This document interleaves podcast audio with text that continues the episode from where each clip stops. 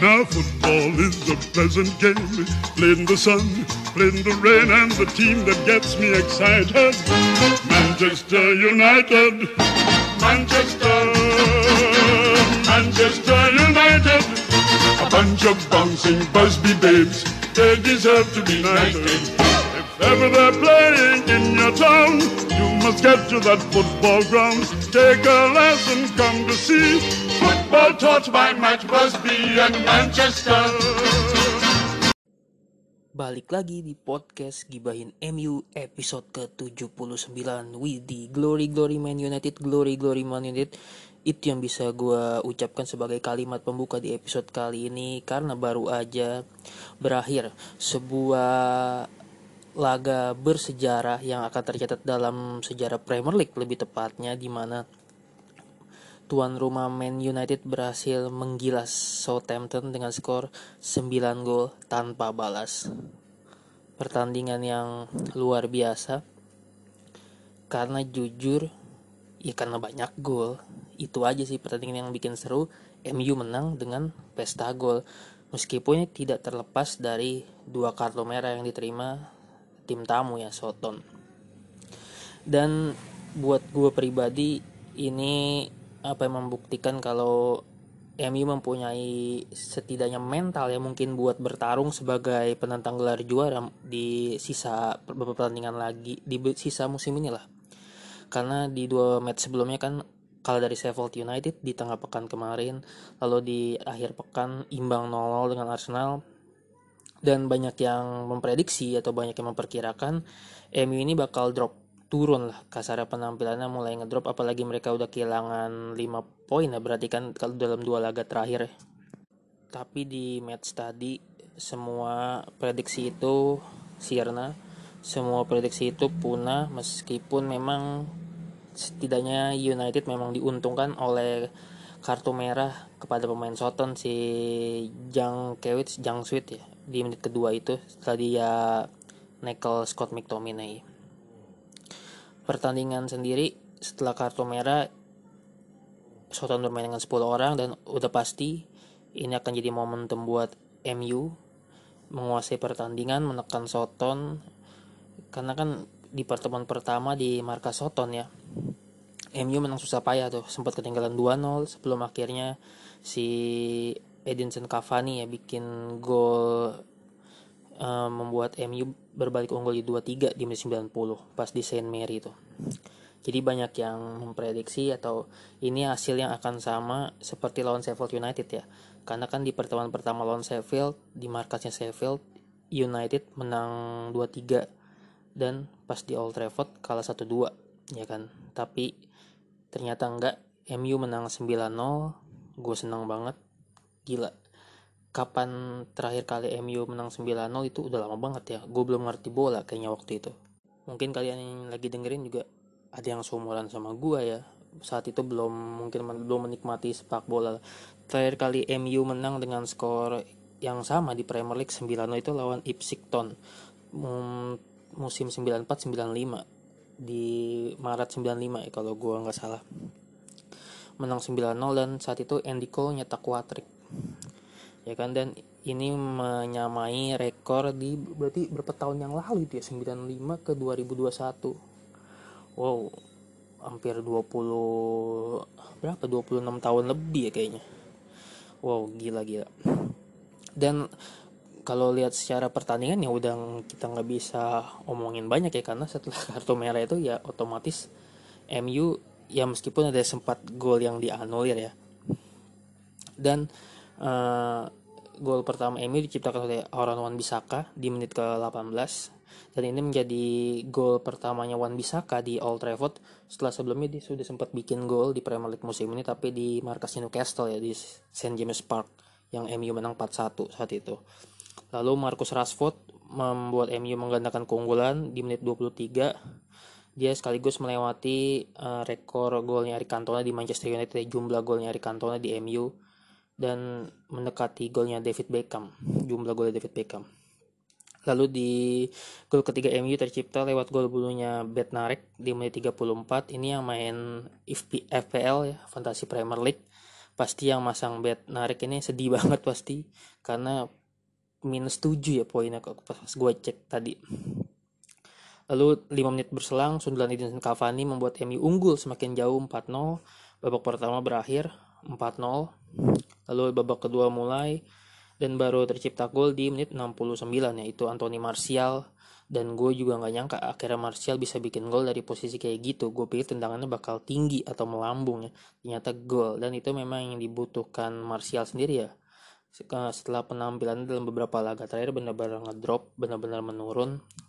Meskipun terus dapat kepercayaan dari Ole dan ini dia Martial akhirnya mungkin bisa apa ya setidaknya membuat rasa percaya dirinya kembali lagi ya. Mudah-mudahan ini bakal berlanjut ke next matchnya lawan Everton nanti di akhir pekan.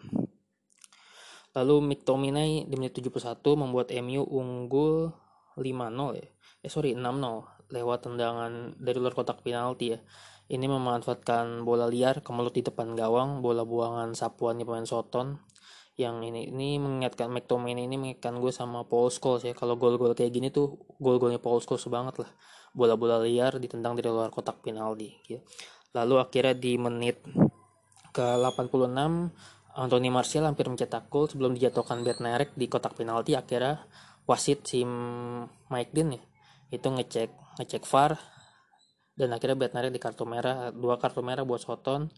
Menit 87 Fernandes tendang penalti masuk 7-0 lalu Martial di menit 90 membuat MU unggul 8-0 dan ditutup sama, sama gol Daniel James di injury time ya 90 plus 3 dan Dan James ini kembali bikin gol di saat MU pesta gol ya kan? Uh, dia waktu lawan Leeds ya dia bikin gol juga kan? Tuh di gol bikin gol penutup juga sih kalau gue nggak salah ya bikin gol ke-6 kan saat lawan Leeds itu. Dan akhirnya udah pertandingan berakhir MU unggul 9-0 dan di klasmen menyamai poinnya City 44 poin meskipun City belum main City baru main dini hari nanti ya Kamis dini hari. Mereka bakal away ke Burnley atau mereka menjamu Burnley gue juga belum baca.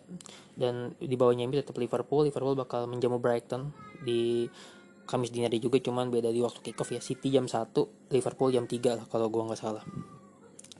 Dan di Premier League sendiri ini tercatat MU menciptakan sejarah baru ya kan di Premier League ya khususnya. Di mana untuk pertama kalinya dalam sejarah Premier League Manchester United menjadi, apa memiliki tujuh pencetak gol berbeda dalam satu laga. Jadi ada tujuh pemain yang bikin gol dalam satu laga. Ini untuk pertama kalinya dalam sejarah MU di Premier League. Dan ini menyamai raihan Chelsea saat membantai Aston Villa lah di Desember 2012 mereka juga semua punya tujuh pemain berbeda yang mencetak gol ya. Menang berapa ya? gue juga belum ngecek skornya eh, gue baca dari kayak ini. Lalu ya, dengan kemenangan 9 gol tanpa balas ini MU artinya menjadi apa ya? Ini nggak banyak kan tim yang bisa menang dengan 9 gol di Premier League ya. Dan MU mencatatkan dua kali. Hanya ada tiga pertandingan khusus di dalam sejarah Premier League dengan kemenangan margin 9 gol yaitu di tahun 94-95 Emi lawan Ipswich Town yang tadi gue bahas di awal. Terus musim lalu Soton yang kalah 0-9 dari Leicester kalah di Saint Mary di kandangnya sendiri. Dan tentunya yang tadi baru aja berakhir MU menang 9 lawan Soton. Ini Soton kesian banget ya dua musim kalah dengan skor yang sama 9-0 meskipun dari dua klub berbeda. Tapi mereka ngalamin dengan apa ya kesian juga ya. Dan pelatihnya pun di postmat setelah aftermat di postmat pertandingan itu dia bilang hal yang sulit diterima dibilang 5 gol terakhir itu terlalu gampang menurut dia. Saya tak mempunyai energi untuk membahas sisi taktik apa pun dari laga tadi. Ya pastilah sebagai manajer sebagai pelatih tentunya dia kecewa dengan hasil ini. Meskipun ya biasalah banyak fans-fans lain yang gue lihat di jagat maya di jagat Twitter bilang kalau VAR hanya menguntungkan Manchester United ya kan? Dan yang bilang itu rata-rata mungkin fans yang beberapa jam sebelumnya itu dirugikan oleh VAR bisa dijadikan mereka uh, apa ya timnya mungkin kalah. Dari Wolves ya memang kalah sih kayaknya 2-1 setahu gue gue nonton pertandingannya juga.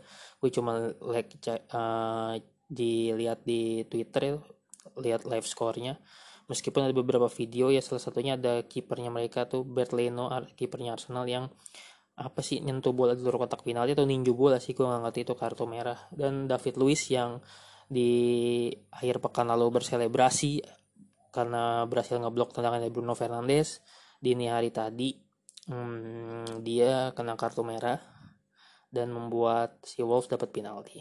Ya sabar-sabar lah buat Arsenal ya kan. Semoga makin ngedrop ya.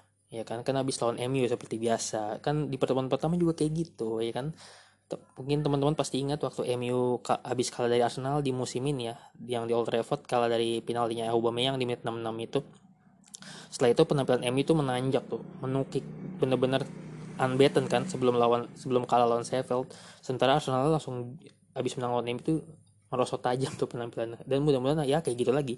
Berharap Arsenal kembali ke posisi 11 12 13 14 nggak apa-apa lah stay di situ aja ya kan. Kan pengen katanya Arteta dipecat. Ya mudah-mudahan merosot ya. Gue cuma bisa bilang gitu ya. Dan untuk uh, pertandingan tadi pun Edinson Cavani ini untuk pertama kalinya juga bikin gol di Old Trafford ya. Setelah dia udah total udah 5 gol lah di Premier League di eh, bersama MU gitu. Empat golnya away dan baru tadi tuh dia bikin gol di Old Trafford di dalam ajang Premier League. Dan Cavani juga bikin back to back gol artinya pas di kandang Soton dia bikin dua gol kan ya. Terus tadi juga bikin gol artinya dia bikin tiga gol ke gawang Soton dalam satu musim. Yes sangat berpengaruh juga ya Cavani ternyata kedatangannya ke Man United meskipun satu musim apa dua musim dia kayaknya satu musim deh. Karena musim ini dia nggak tahu apakah akan diperpanjang sama MU atau MU nanti beli striker baru. Dan dari laga ini pula tercatat uh, ada Bruno Fernandes yang sejak dihitung sejak kedatangan dia ya di MU dia udah terlibat dalam 36 gol untuk Manchester United. Tertinggi di antara pemain-pemain lain di Premier League. Di posisinya dua itu udah Harry Kane dengan 30 kali terlibat gol untuk Spurs. Terus ada Mohamed Salah 29 kali terlibat. Lalu Son 26 dan Kevin De Bruyne dengan 24 kali terlibat. Itu dalam hitungan satu tahun satu tahun terakhir sejak Fernandes datang ke Manchester United.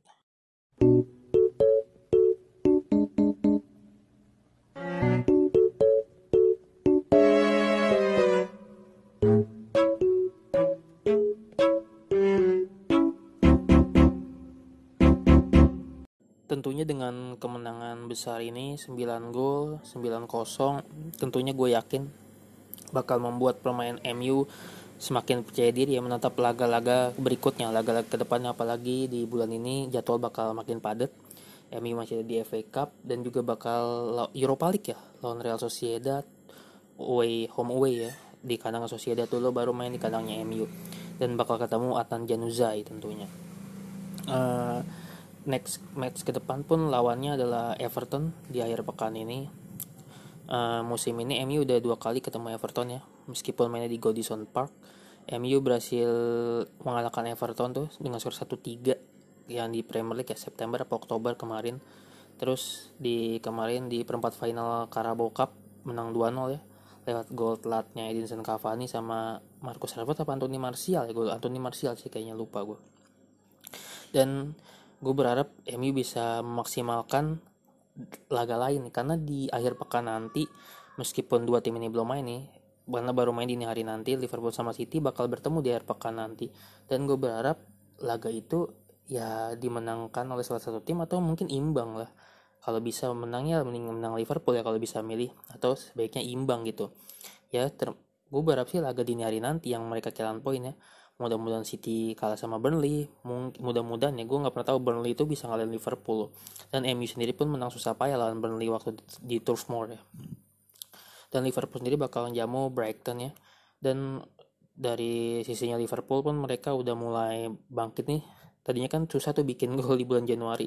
Setelah habis bikin gol di Old Trafford si Mohamed Salah cukup gacor lagi dan itu cukup agak membahayakan ya setidaknya mungkin kayak gitu pikir gue sih kayak gitu.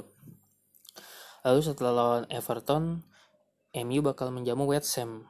Bakal menjamu West Ham di putaran ke 5 ya Piala FA putaran Piala FA eh putaran kelima itu 32 besar sih. Kalau setahu gue 16 besar apa 32 besar? Kayak 32 besar sih lawan West Ham United. Dan gue berharap si Jesse Lingard main tuh.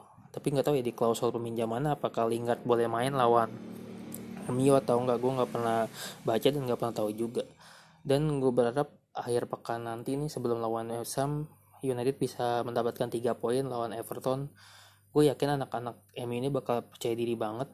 Apalagi striker-striker ini si Anthony Martial sama Marcus Rashford yang berhasil bikin gol tadi ya kan? Mudah-mudahan mereka bisa konsisten lah ya. Apalagi lawan Everton Everton sendiri juga penampilannya naik turun musim ini meskipun di awal musim mereka sempat dijagokan bakal jadi juara ya. Apalagi mereka ada di tangan manajer yang luar biasa Carlo Ancelotti ya yang udah terbukti lah bisa bawa apa Milan dapat Champions dua kali ya kan.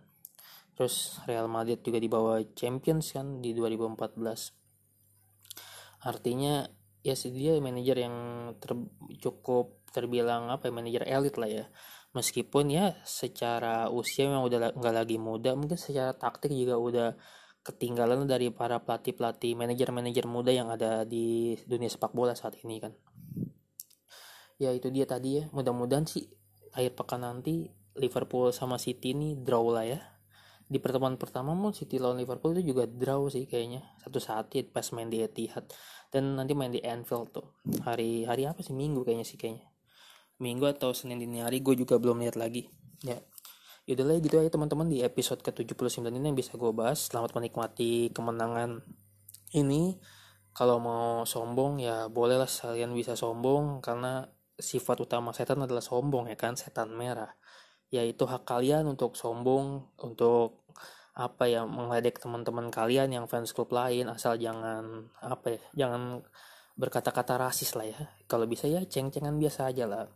Jadi nikmatin kemenangan ini mudah-mudahan uh, berdoa lah mudah-mudahan City sama Liverpool di hari nanti kehilangan poinnya ya. Udahlah gue pamit. Terima kasih sudah mendengarkan podcast Kibain MU episode ke-79 ini. Gue pamit. Bye bye